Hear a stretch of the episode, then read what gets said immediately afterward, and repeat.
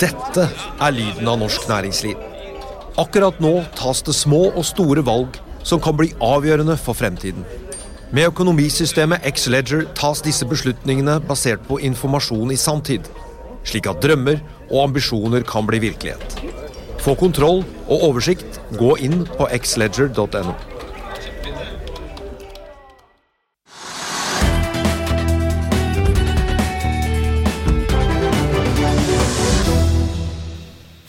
Mer skatt på arv, eiendom og ting det er grunnrente i, og mindre på arbeid, utbytte og formue. Ja, Skatteutvalget er klare med sin utredning, og det blir hovedtema i dagens sending. Det er mandag 19.12. Du ser eller hører på Økonominyhetene her hos oss i Finansavisen. Vi skal aller først begynne med å se på markedet og noen av de nyhetene utover skatt som har preget dagen i dag. Wall Street surnet jo mot slutten av forrige uke og endte ned rundt prosenten på fredag, hvis vi ser på de tre store indeksene. Og SMP endte 500 da, endte mest ned 1,1% mens Nasdaq endte 0,85.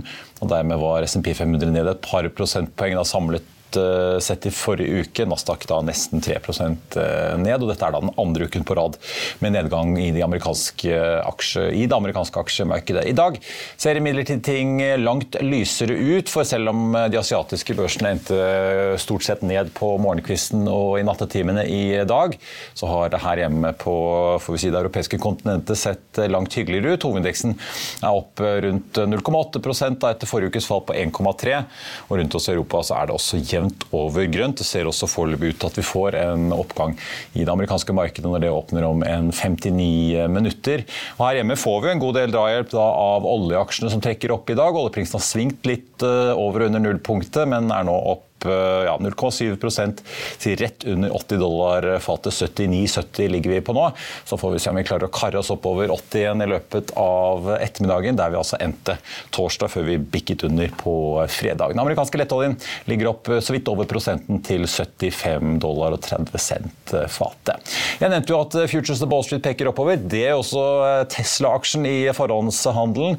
Oppover 3% til 155 dollar etter fallet da på over 7 på fredag. Oppturen skjer etter at Twitters får vi si, nye eier og sjef, Tesla-gründer Elon Musk, la ut en melding søndag amerikansk tid om, der han altså spør følgerne sine om han bør bli eller gå av som Twitter-sjef. Nå er avstemningen avsluttet, og 57,5% av de over 17 millioner stemmene har stemt for at han bør gå av. Så får vi se om han faktisk følger den oppfordringen eller ikke. I forrige uke ble det i hvert fall kjent at han har solgt unna ytterligere aksjer i Tesla verdt 3,6 milliarder i denne omgang. Det har jo vært store salg tidligere i år. I banknæringen så er storebankene nå ute og øker boliglånsrentene etter Norges Banks renteøkning da i forrige uke. DNB startet ball i dag, og når det har fulgt etter, begge to varsler da økning for boliglånskundene sine på inntil 0,25 prosentpoeng. Og Så får vi også ta en sveip innom Flyr. Aksjen spratt opp over 11% og roet seg litt ned, men ligger fortsatt opp eh, nesten 10% i dag på meldingen om at Flyr altså søker det amerikanske samferdselsdepartementet om en såkalt eh, Foreign Air Carrier Permit. Og Grunnen til at Flyr altså vil ha lisens i USA, er at de ser et marked for å drive charterflyvninger og wetlease, altså utleie av fly med mannskap, på ruter inn og ut eh, av USA i lavsesongen her i Europa, altså på vinterstid. Flysjef Brede Huser peker på at de har blitt kontaktet av flere aktører i det amerikanske markedet over de siste månedene, og at det er da mangel på både fly og mannskap i USA om dagen. Og Hvis alt går etter planen, så mener Flyr at de kan begynne operasjonen sin mot USA i november neste år. og Så får vi vel minne om at selskapet før den tid må få inn mer kapital, helst innen utgangen av mars, som Brede Huser selv har sittet her i studio og sagt. Og så må vi ta med at det nå har kommet dom i den såkalte Ramme Gård-saken i Høyesterett, som vi har omtalt uh, tidligere i høst. Spørsmålet var jo om Petter Olsen skulle få moms- og skattefradrag på hotellprosjektet sitt i Hvitsten, uh, litt sør for Oslo på Ramme gård. Staten mente nei, siden de anla i retten at hotellprosjektet aldri ville gå, kunne gå med overskudd. Og Spørsmålet har jo vært da om staten skal kunne gå inn og mene noe om lønnsomheten i prosjekter, uh, eller gründerprosjekter for den saks skyld, eller ikke. I en enstemmig dom i Høyesterett konkluderer derimot retten med at eh, skatteetaten har rett, og at eh, hotellprosjektet først kan gå i pluss i 2046 da basert på Rammegårds egne prognoser fra 2018. Høyesterett mener derfor at kravet om at man må ha evne til å gå om overskudd, ikke er oppfylt. Og Strømprisen den fortsetter å ramme. Mandag morgen kom meldingen fra Elkem om at de velger å stenge ned en av to smelteovner i både Rana og Tamshavn i nærheten av Trondheim. Og Dermed gjør Elkem som det vi har sett Hydro også gjøre noen steder i Norge. Det er nemlig sånn at I dagens situasjon så tjener Elkem mer på å stenge ned deler av silisiumproduksjonen sin og heller selge overskuddskraften. Kommunikasjonsdirektør Fredrik Nordmann uttaler til FA at eh, på lang sikt så mener Elkem at dette er et faresignal og et symptom på at det er noe galt med den norske energipolitikken, gitt at vi da er et land med overskudd av fornybar energi. Sitat eh, slutt. Elkem-aksjen tikker opp 0,7 i dag. Vil du bli oppdatert på det viktigste som har skjedd innen finans og næringsliv? Da er det bare å følge med, for hver morgen er jeg, Marius Lorentzen og aksjekommentator Karl Johan på plass i studio for å ta tempen på dagens marked i Børsmorgen. Og hver ettermiddag oppsummerer vi alt du trenger å vite i økonominyhetene, og det blir selvfølgelig masse interessante gjester. Klikk deg inn på fa.no-tv, eller søk opp Børsmorgen og Økonominyhetene der du hører på podkast.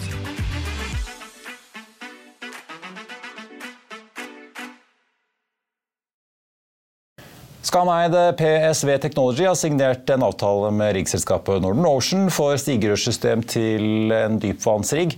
og Skana-aksjen er opp over 5% mens Northern Ocean i dag ligger relativt stabil. Så for å ta med Scandia Green Power som ble opp over 20 i dag, uten at det har kommet noen meldinger eller nyheter eller analyser som omtaler selskapet tillegg så er det jo god fart i dag i Norske Skog. Arctic Securities har regnet litt på eh, skog- og papiraksjen. Norske Skog stiger nå nesten 7% til 60, litt over 66 kroner aksjen.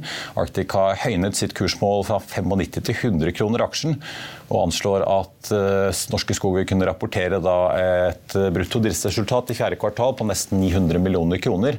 Og at det kan være en oppside gitt at Norske Skog håndterer energisituasjonen i Europa godt, skriver uh, meglerhuset.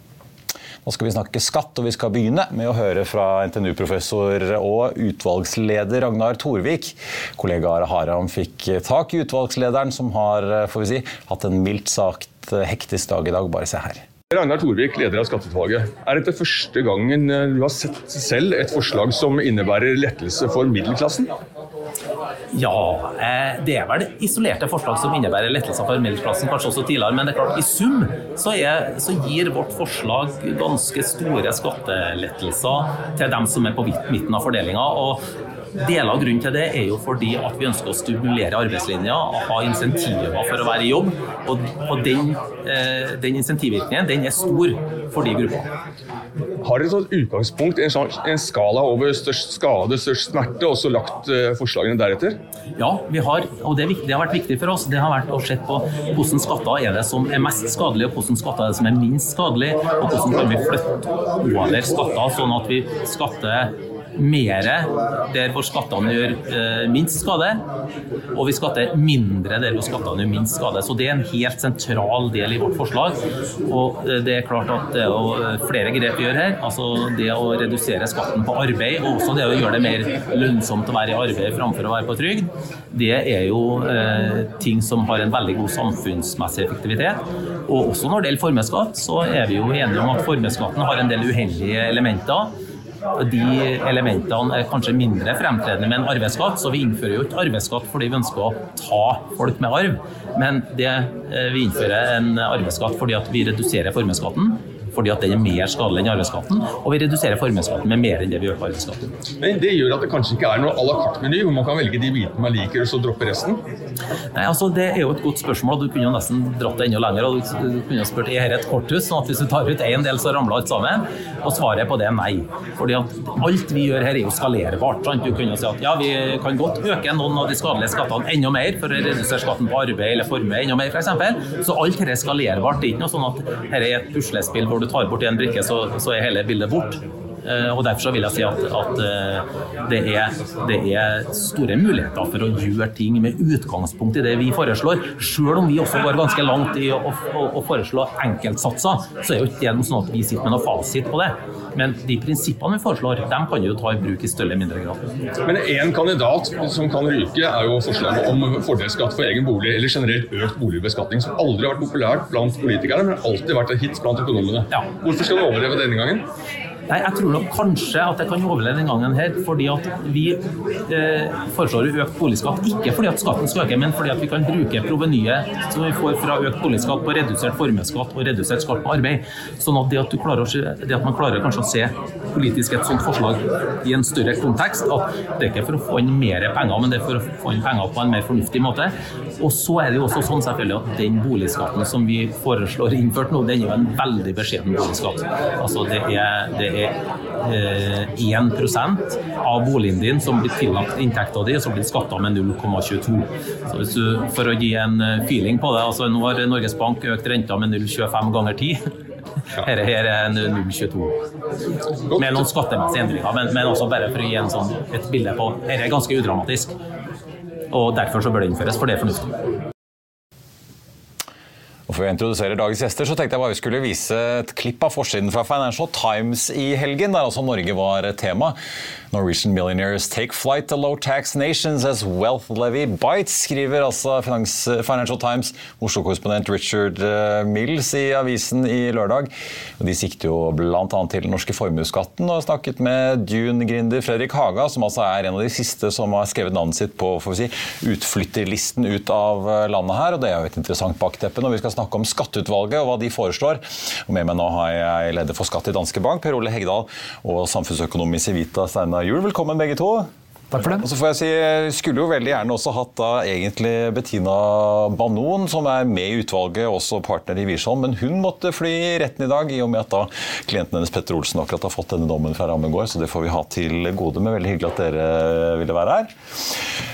Skal vi begynne først? Var det, noe, var det noen sånn virkelig store ting som overrasket? Dette er jo et utvalg eh, Hegdal, som har, eh, ble jo egentlig opprinnelig nedsatt av Erna Solberg i hennes regjering. Så eh, lot den nye regjeringen alt dette gå videre, men justerte litt på mandatet? De justerte litt på mandatet for å sikre at det de var opptatt av, også ble hensyntatt.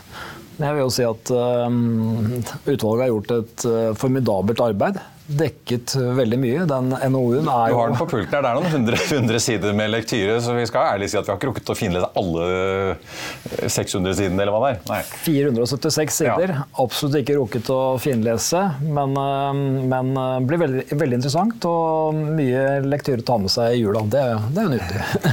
det er eh, julelektyre for alle de samfunnsinteresserte, Steinar Juel. Men altså, mindre skatt på arbeid, det overrasker vel ingen? Nei. Overrasker det at de vil hente det inn på bl.a. Eh, økt skatt på eiendom? Nei, altså det, det med eiendom, og særlig bolig, er jo en sånn klassiker blant økonomer. Ja. Eh, jeg som har vært med dette gamet her eh, siden tidenes morgen, husker jo dette nesten fra jeg gikk med pleiene, at boligbeskatningen den må opp. Og det har vært umulig å få til. Ja, For du har vært rådgiver for en del ja. finanspolitikere, for å si det sånn? Ja, ja så, så, og, og, vi, og, det var jo Det har vært i alle mulige skatteutvalg har det vært oppe. Men, men, det har ikke vært mulig å få til. Og det nærmeste man kom en gang, var vel da, eh, da Skaug-utvalget kom med sin skatteinnstilling i 2004-2005. sånn. Uh, hvor de foreslo å pakke også med det. Ja. Uh, men det gikk ikke da, heller, selv om det var en Høyre-politiker som da foreslo det. Og, tror du det går gjennom? Altså, jeg, jeg, jeg, at de har jo, jeg, tror det sitter langt inne. Uh, de har jo formus, altså, vi har jo formuesskatt i Norge hvor man stadig har strammet inn og strammet inn. Og i siste kompromiss med SV så har regjeringen ja. da gått med på å øke liksom, formuesbeskatning av boliger over 10 millioner. Ja. Så man begynner jo helt inn å jobbe seg nedover. Har vi ikke da implisitt en eiendomsskatt egentlig i Norge? Ja, vi, har, vi har ikke det for, fordi vi, det går på likestilling av ulike formuesobjekter. Ja. I, i, når man først har formuesskatt, at, at, man da ikke beskatter eh, bolig mindre strengt enn f.eks. bankinnskudd. Eh, som jo som egentlig er, er pussighet rundt det hele.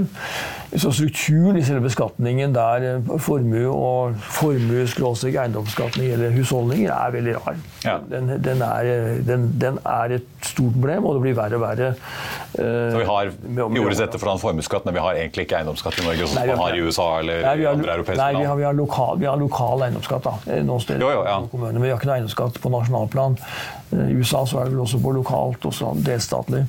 Men, men, men, men det, går, det, går, jo på liksom det med berømmelige, som, som det het, som da eh, så jeg syns er et godt forslag, og som jeg har vært enig, med snakket om lenge, nemlig at man bør beskatte fordelen av egen bolig Det vil si at da, da skattlegger du boligfordelen enten du da har gjeld eller ikke. Så, så det å ta, begrense rentefradraget syns jeg er, en avsporing. Det er mye bedre sånn som den modellen de nå foreslår, eh, og som også for så vidt vi hadde fram til eh, for 20, vel 20 år siden, men som da ikke eh, Som også var veldig beskjeden, og som var en irritasjonsskatt, egentlig. Folk skjønte ikke logikken i det. Nei. At du skal liksom beskatte av å bo i din egen bolig. Hva i all verden skal du gjøre det? Men du må nesten jobbe i Finansdepartementet for å ja, tenke at fordelen av å bo i egen bolig, det er noe som man må skattlegge? Det er logisk og politisk jobb å få det til. Ja. Eh, men det, kan, det, som er mulig, er at man kan, kan, tenke seg at hvis man greier å få en politisk bredde på dette, og man greier å liksom lage noen kompromisser hvor man gir noe på den ene hånden og tar noe på den andre, så kan det kanskje gå. Men eh, jeg, jeg, jeg, er ikke veldig optimistisk. Nei, for det Kontraforslaget er jo da at okay, man skal kutte 1 prosentpoeng på all uh, lønnsskatt, altså trygdeavgifter og alt, det er jo da, og det skal ja. koste 40 milliarder, og så skal ja. man bl.a. hente inn fra eiendom. Ja. Men er liksom 1 prosentpoeng lavere lønnsskatt er det nok til at uh, Ola og Kari biter på og tenker at dette er en god deal? Nei, Som Steinar er inne på, så tror jeg det er vanskelig å få sympati eller forståelse for at man skal skattlegges ved å bo i egen bolig. Mm. Det er en fordel å eie en egen bolig, men at man skal betale skatt for det, det, det er vanskelig å begripe. Men du kan si at det, eh, Hvis man innfører en fordelsbeskatning, da, så er man vel trygg på at rentefradraget består. Da. Mm. Og For de aller fleste så er jo det av større betydning. Og I hvert fall nå når rentebelastningen på de fleste husholdningene har økt ganske mye på et års tid. Ja, du kan si hvis du da har, altså, hvis du har 100% finansiering, eh, så vil, så vil jo for så vidt eh, eh, så, så, vil jo det gå mot hverandre, på en måte. Mm. Det at du har beskatta egen fordel. Men, men, men klart at rente, rente rentefradraget, eller renten er gjerne høyere, vil være høyere i hvert fall nå til å begynne med, enn den ene prosenten de ser for seg at du beskatter av inntekten. Men, men, de går altså løs. Det ene er jo da fordelen ved å bo i egen bolig, som de vil uh, gå løs på. Så vil de ha, kutte en del bl.a. av um, gevinstfri skatt, salg av fritidsbolig vil de til mm. livs. Utleie, skattefri utleie av deler av egen bolig vil de til livs. Det er jo, I tillegg til selve da, fordelsbeskatningen, så er det jo mange av disse elementene som mange i dag lever godt av. Uh, og som driver driver opp prisene på enkelte typer boliger hvor man typ har en utleiedel, eh, som de da vil til livs. Ja, og så har jo veldig mange finansiert og lånt eh, til bolig basert på de reglene som gjelder i dag. Og så kommer det endringer som svekker økonomien, rammer deg rett i lommeboka. Det, det er ikke populært, det. Det sier seg selv mange som har finansiert ja, deler av boligen ved å leie den ut. For at man får leie på 10 000-15 000 mm. som da er skattefri, så kan man betjene ganske mye i boliglån med den månedlige inntekten. Absolutt. Ja. absolutt. Så det blir ikke lett å, å få til. Nei, jeg er enig. Og, det, det er, eh, og dette er så blitt verre med årene, fordi vi på en måte har investert Vi som beholder Vi har tilpasset oss systemet? Ja, vi har, vi har kjøpt mer og mer bolig alle sammen. Mm. Uh, og det er større og større boliger og, og flere og flere fritidseiendommer. Og klart da, når du da skal, skal eh, begynne å beskatte dette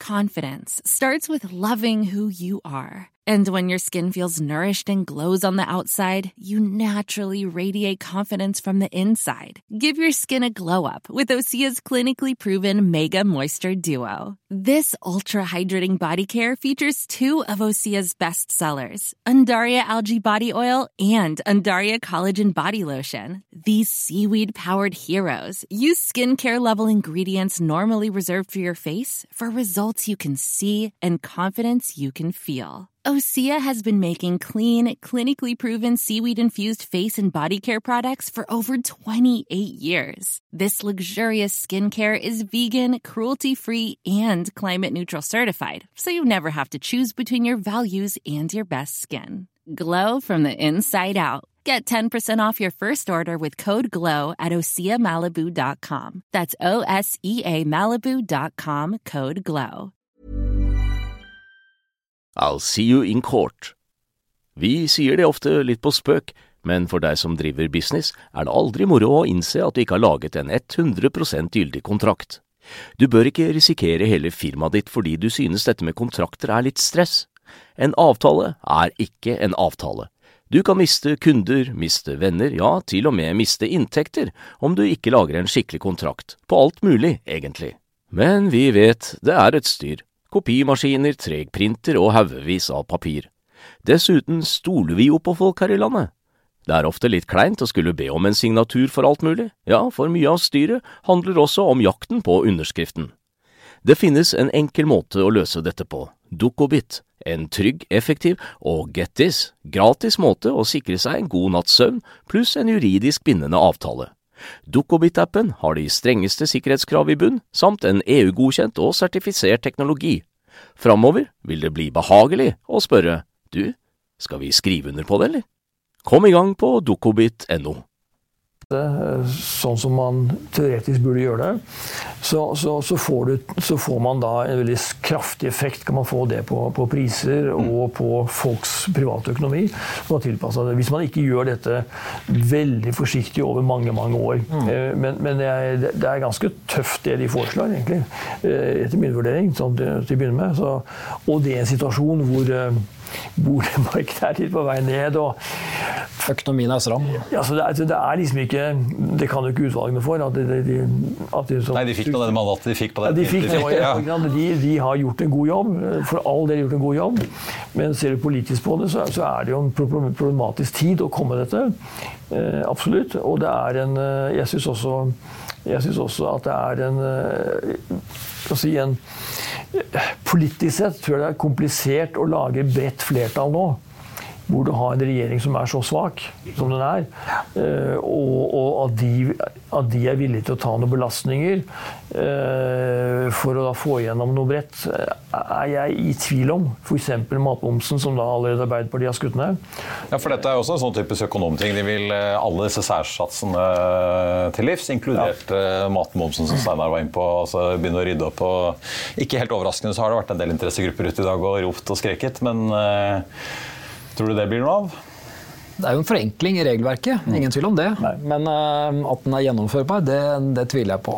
Og um, jeg tenker på, hvert fall på, på bolig og fritidsboliger, så kan vi i hvert fall ikke ende opp med at folk er nødt til å selge fritidsboligen sin. Det ville jo vært svært uheldig, og det, det er ikke akseptabelt. på en måte. De som eier en bolig eller fritidsbolig i dag, må jo ha økonomi til å fortsatt eie den. Ja. ja. Men nå har jo da dagens regjering de tweaket litt på mandatet. Var veldig opptatt av at det skulle være provenynøytralt. Ja. Eh, så ingen store skatteletter i sikte. Men de endret jo i tillegg også et annet punkt. At hvis utvalget så at eh, skatteinntektene til staten kunne begynne å falle av andre grunner, så skulle de komme med forslag for å, for å få inntektene opp igjen. Betyr det at uh, sjansene for å få noe skattekutt her i landet, de er uh, Kan vi bare se langt etter de nærmeste årene? Ja, altså, du kan jo budsjettpolitikk og handlingsrom også godt. Ja, altså, det virket ikke som var så veldig mange milliarder til overs i statsbudsjettet i år? Nei, altså, jeg vil si nesten uansett regjering. Så, mm. er det, så, er, så de store skattelettelsene tror jeg eh, ikke man kan vente i beste fall omtrent holde nåværende skattenivå sånn omtrentlig. Tror jeg det er det beste man kan holde på. Og det, det, er jo fordi, det er fordi skattebelastningene, altså, eller utgiftene, øker pga. Eh, at vi blir eldre. Og da ikke minst da på omsorgssiden og også noe på pensjonssiden. Uh, og det er det som også ligger i, i, det som de har foreslått også, at man skal uh, skjerpe noe på pensjonistbeskatningen som jeg syns er klokt, selv om jeg selv rammes av det. Så, så, er det klokt. Ja, fordi vi tar ned skatten på arbeid, men ikke like, altså, pensjonistene skal ikke få like Nei, de skal få mer, de skal få mer, ja. de skal, de skal få mer skatt enn i dag, og så er de med litt høyere, høyere, høyere pensjoner. Uh, og det syns jeg er klok uh, vei å gå. Det har også vært forsøkt noen ganger før å likestille, likestille uh, lønnsskatt og, og, pensjonsskatt, men det har også vært la, ikke vært vanskelig med lett å få gjennom. nå foreslår det litt, litt annerledes modell for det. Så, så man har jevnet ut forskjellene på, på beskatning av pensjoner og, og, og, og lønnsinntekt eh, gjennom årene, men, men, men, nå tar man et steg til, foreslår et steg til. Ja. Per Ole, vi må snakke litt om uh, hvordan det blir å eie og drive bedrifter uh, her i landet. Jeg, jeg, det slo meg for øvrig, eller jeg synes det var, for var interessant at Utvalget var jo opptatt av at uh, det har blitt et veldig stort skille i Norge nå mellom beskatning av aksjeinntekter og andre kapitalinntekter. Renter ligger jo fortsatt på 22% Vi har jo en del forvaltere som gjester her innimellom som påpeker at driver du et aksjefond, så må du levere veldig mye bedre avkastning enn et rentefond i ja. Norge. I hvert fall for en norsk investor, for en norsk investors ståsted. Mm. så går det jo inn for å redusere formuesskatt skatten eh, får vi si en, eh, en god del. Eh, fra ja, omtrent en halvering fra 0,95 til 0,5 på den grunnsatsen. Men vil ha arveskatt. Hvordan leser du på en måte den delen av skattepakken her? De gjør lettelser i formuesskatten, ja, men de fjerner jo alle verdsettelsesrabattene. Så det gjør at verdiene verdsettes høyere, selv om prosentsatsen går ned. Mm. Eh, akkurat når det gjelder arveavgift, så er jo den svært upopulær. Det er ikke noe tvil om det. Men, men, det er ikke Jeg syns det er ganske fornuftig det de foreslår, med store bunnfradrag i formuesskatten og heller en lav arveavgift. Ja, For de kutter i satsen, og de øker bunnfradraget? Ja. ja. Og hva skal jeg si for noe? Hvis man skal beskatte de som har mest, noe mer, så tror jeg nok kanskje at det er fornuftig å bruke flere skattearter for å treffe de, rett og slett. Mm. Eh, beklager å, si det, men ja, ja. det er jo slik at eh, de som har mest, tjener mest, skal også yte mest. Og sånn sett så tror jeg nok kanskje at det er en fornuftig løsning som utvalget har kommet frem til. Ja, de foreslår jo også å kutte utbytteskatten, men i varierende grad. Mindretallet vi hadde ja, ned mot 30. Ja. ja. Og Det er vel primært for at man da ikke skal samle opp så mye kapital i virksomhetene, men at man skal mm, i større grad eh, bli frista til å ta pengene ut da, og, og bruke dem til andre formål. Både ved at uh, satsen går ned, og at man også da øker skjermingen. Ja, Skjermingsrenten skal litt ja. opp, så du ja. kan ta ut litt mer utbytte årlig uten å, uten å få ut noe utbytteskatt. Ja. Ja. Steinar, vi har jo sett, vi var i introduksjonen selv Financial Times har lagt merke til hvor mange som har begynt å flytte ut av landet. Det er jo eh, litt sånn anekdotisk diskusjon, for det er jo ikke så lett å drive statistikk når det tross alt er snakk om relativt sett i antall få mennesker. Men uh, likevel, eh, hva slags perspektiv har du på eierbeskatningen som de foreslår her? Altså, det, er dette nok det, til å liksom få folk til å ikke, til og med som Kjetil Holt, har flyttet til Sverige? Selv om han var innom Belgia en tur? ja. Jeg vet ikke om det er nok, for å si sånn, fordi det er der som, som, du sier at det er jo verdsettelsene eh, går jo opp, stort sett. Og også da på unoterte aksjer. Som de snakker om også, at du skal ha mer realistiske verdier av det. Selv om de er vel ikke i hvert fall det jeg har lest, greid å lese i sammendraget, ikke er veldig presise hvordan de skal gjøre det. Mm. Eh, så, så, og, det, og formuesskatten forsvinner ikke. Eh, så jeg ville tenkt som også sånn at det er, eh, det er en politisk risiko for at skiftende regjeringer kan komme til å skru den satsen videre oppover og ned. Eh, når den satsen tross alt er der. Så jeg vil nok, som da hvis jeg hadde sittet med stor formue, det gjør jeg ikke, det gjør jeg ikke ville nok ikke sagt at nå kan jeg slappe av. Nei. Det ville jeg ikke gjort. Eh, og det, hvis dette skulle gå igjennom. Eh, så jeg hadde, altså jeg hadde, vært eh, mer betrygget hvis formuesskatten forsvant helt, eller ble nesten borte. Eller... Det er litt som du gjorde med arveavgiften i sin tid. Ja, Siv Jensen ja, Erna Solberg tok ja, pennestrøk og var den borte. Ja. Og, da og, da hadde arveavgift istedenfor. Jeg, jeg syns det er en bedre løsning med arveavgift enn å ha beholde formuesskatten. Sånn, tror, tror, du det er realistisk? Så kunne, man, så kunne man også hatt en eiendomsskatt på nasjonalplan. Ja. Eh, som vel jeg i hvert fall ikke sammendragsfornevnt. Jeg vet ikke om det står drøftet noe lenger bak, men jeg har ikke sett at de har drøftet det. altså. Men tror du det er realistisk med noe arveavgift? Så Arbeiderpartiet har jo vært litt tilbakeholdne, virker det som, eh, med å skulle gjeninnføre den. Mange trodde at det kanskje skulle komme noe når de, etter at de tok over valget sist. Så gjorde de ikke det. Det kom eh, ekstraskatt på laks og kraft i stedet. Ja. Men eh, utvalget nå foreslår det. Er det liksom en realistisk lur måte å gjøre det på, eller blir det uansett hvordan man vrir og vender på det, noe som de aller rikeste kommer til å tilpasse seg ut av? Altså, vi er jo, altså På den siden, når det gjelder arveavgift, så er jo vi sære på den måten at vi er det vel det eneste landet som ikke har det. I hvert fall en av de få som ikke har det i OECD-området. Uh, og jeg, jeg, vil jo si det at uh, hvis man hvis man da får til en løsning hvor man på en måte innfører noe som man egentlig ikke har vært for, men så får man kanskje så får man kanskje noe, noe, igjen på et annet område, så, så, er det, så, er det, en pakke som man må kunne akseptere som politisk. Og dette er, jo noe, dette er jo noe som skal behandles over lang tid. Det regner med utvalget. Nå skal på høring. Eh, og så kommer det en stortingsmelding, og så vil det være eh, kanskje et valg. og så det, så Det er en prosess som da settes i gang. Dette blir skattereformen av 2024, da kanskje? Ja, kanskje. Hvis det blir noe. Hvis ja. ikke da det hele bare suser bort. altså. Men, men, så, så, det gjør at man Eh, man vil jo tilpasse vurderingene sine underveis, avhengig av prosessen. Eh, så jeg vil ikke si at selv om Arbeiderpartiet har vært imot og andre partier har vært imot arveavgift, eh, at det er utelukket i en sånn kompromiss hvor man tar og gir litt. Enig. Ja. Men tror du, Hva tror du om en arveavgift? Tror du det er liksom en måte å i praksis innføre det på? Jeg har um, sagt tidligere at eh, jeg tror ikke noe på at den ble gjeninnført i denne stortingsperioden Nei. med Arbeiderpartiet og Senterpartiet ved, ved roret. Men uh, det kan godt tenkes at de nå blir overbevist av det Torvik-utvalget kom frem til. Og, og, og bruker reduksjoner i formuesskatten som et argument for å gjøre den koblingen. Da. Så jeg ville ikke vært trygg på at det ikke kommer. Hadde jeg hatt, vært formuende og skulle gjennomføre, eller sto foran et generasjonsskifte, så tror jeg ikke jeg hadde venta med det, for å si det slik. Nei. Hva tror du, eller som jeg spurte Steinar om flyttingen, tror du eh, at noe av dette her kan få flyttestrømmen til å stoppe? da? Kan hjelpe noe, kanskje, men eh, ikke nok, tror jeg. Dessverre. Eh, jeg tror nok at vi vil oppleve at flere formuende flytter ut frem i tid.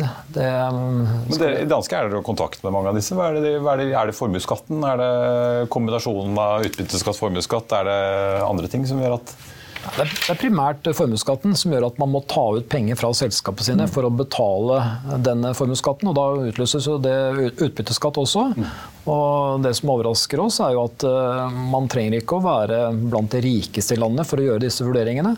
Man kan ha en nettoformue på 150-250 millioner og likevel være i posisjon til å tenke at eh, dette blir for dyrt, dette vil jeg ikke lenger, jeg flytter. Ja, jeg synes, eh, Det er mitt inntrykk også fra de folkene som anekdotiske jeg snakker med. Men det jeg tror også er, er viktig er eh, for, for, vurderingene fra investorer, er, liksom, er forutsigbarhet. Hvis man nå får en bred reform og man blir enige om rammene og liksom, eh, man har tillit til at, man nå er, at det ikke kommer overraskelser som av det vi hadde i høst, Eh, så, så, så, kan det kanskje er det viktigere enn akkurat om satsen blir det, er det andre. eller 0,9 ja, eller 0,7. Ja, ja, så, det, så, forutsigbarhet er, vil jeg si er den store store nøkkelordet her. Altså. Ja, men de politiske vindene blåser jo kraftig i ulike retninger. Ja. Så jeg, jeg, hadde ikke vært trygg på at man, selv om man får et bredt forlik, at at man får stabilitet lang tid fremover. Til slutt, Nå har jo Høyre i hvert fall under Erna gått fra mennesker til Nei, det skulle handle om mennesker, ikke milliarder. Tror dere, tror det blir et skattevalg neste gang?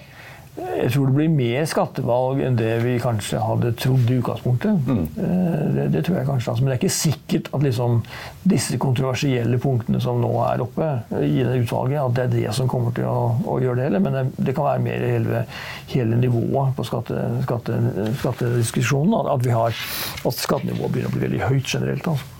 Hva tror du, Per Ole? Jeg tror skatt kommer til å være et eh, tema som veier tungt. Eh, vi opplever nå at eh, alle snakker om skatt. Alle er interessert i skatt i dag. Fordi økonomien er presset, og man føler på kroppen at man kanskje betaler opp mot 50% skatt. Og da begynner man å interessere seg mer hvor pengene, hvor, hvorfor man betaler så mye, og hvor pengene går hen. Ja, vi får se. Da blir det ni måneder etter valget. Ja, Steinar Juel og Per Ole Heidal i Dagsbank, Bank, tusen takk for at dere kom til oss. Så får vi si Debatten om skatten er bare så vidt i gang. Vi er straks tilbake rett etter dette. Dette er lyden av norsk næringsliv. Akkurat nå tas det små og store valg som kan bli avgjørende for fremtiden. Med økonomisystemet X-Leger tas disse beslutningene basert på informasjon i sanntid, slik at drømmer og ambisjoner kan bli virkelighet. Få kontroll og oversikt. Gå inn på xledger.no. Og Har du ønsker om aksjer vi skal analysere eller selskaper vi skal snakke om, send en e-post til tvtips at finansavisen.no. Vi tar med litt på tampen noen uh, nyheter fra energibransjen som har kommet i dag. Hydro, Eviny, tidligere BKK og Sefir går sammen for å utrede et vindkraftprosjekt uh, mellom Høyanger og Sunnfjord. Den planlagte investeringen er på mellom 3 og 4 milliarder kroner, og da skal gi etter planen en produksjon på en terawattime i året. Og Som vi nevnte i Børsmorgen, så har også oljeselskapet DNO kommet med en rekke nyheter i dag. Det første som har vært å å merke seg, er at olje- og gassfunnet Brasse blir utsatt, og det kommer ingen investeringsbeslutning da før fristen i oljeskattepakken nå ved nyttår. DNO skriver at regjeringens nylige endring i friinntekten og sitat, kostnadsøkninger i bransjen har betydelig svekket prosjektøkonomien.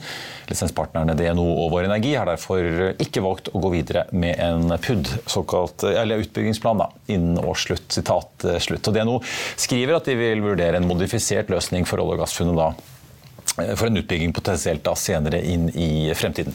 I tillegg til eh, nyheten om at Brasse da er satt på vent, så kjøper DNO ut eh, Sval Energi eh, sitt, eh, sin eierandel i Berling. Det er da oljeselskapet til Hightech Vision, Sval Energi. Eh, Berling, tidligere kjent som Iris Hades i Norskehavet altså, er et funn som da OMV i sin tid gjorde.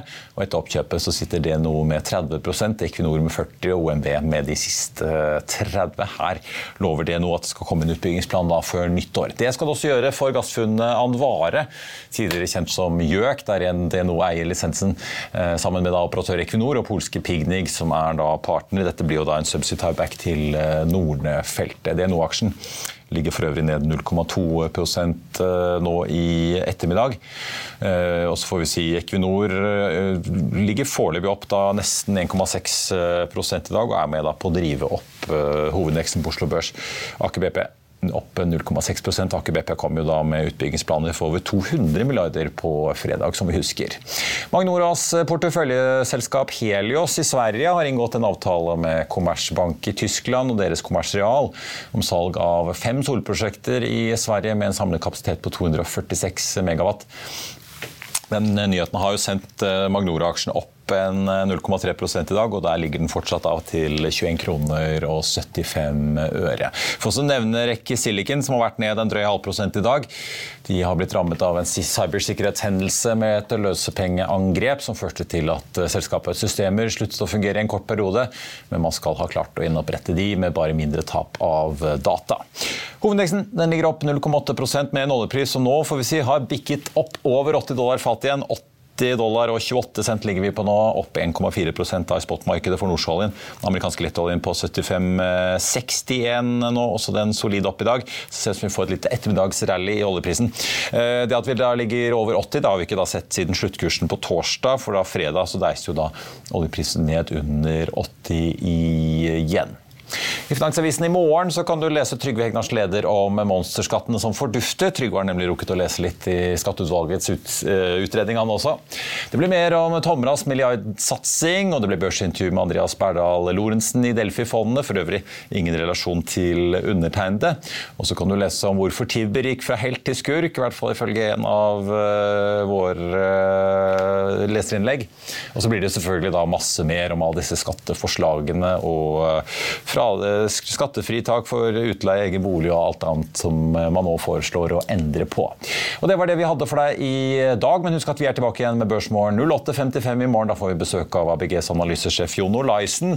Og deretter er vi tilbake igjen med Økonominyhetene 14.30. Da skal vi snakke med Karl Oskar Strøm i Paleo Capital. I mellomtiden så får du alltid siste nytt på FA1. Mitt navn er Marius Thorensen. Takk for at du så eller hørte på. Ha en riktig fin ettermiddag og kveld alle sammen. Takk for nå.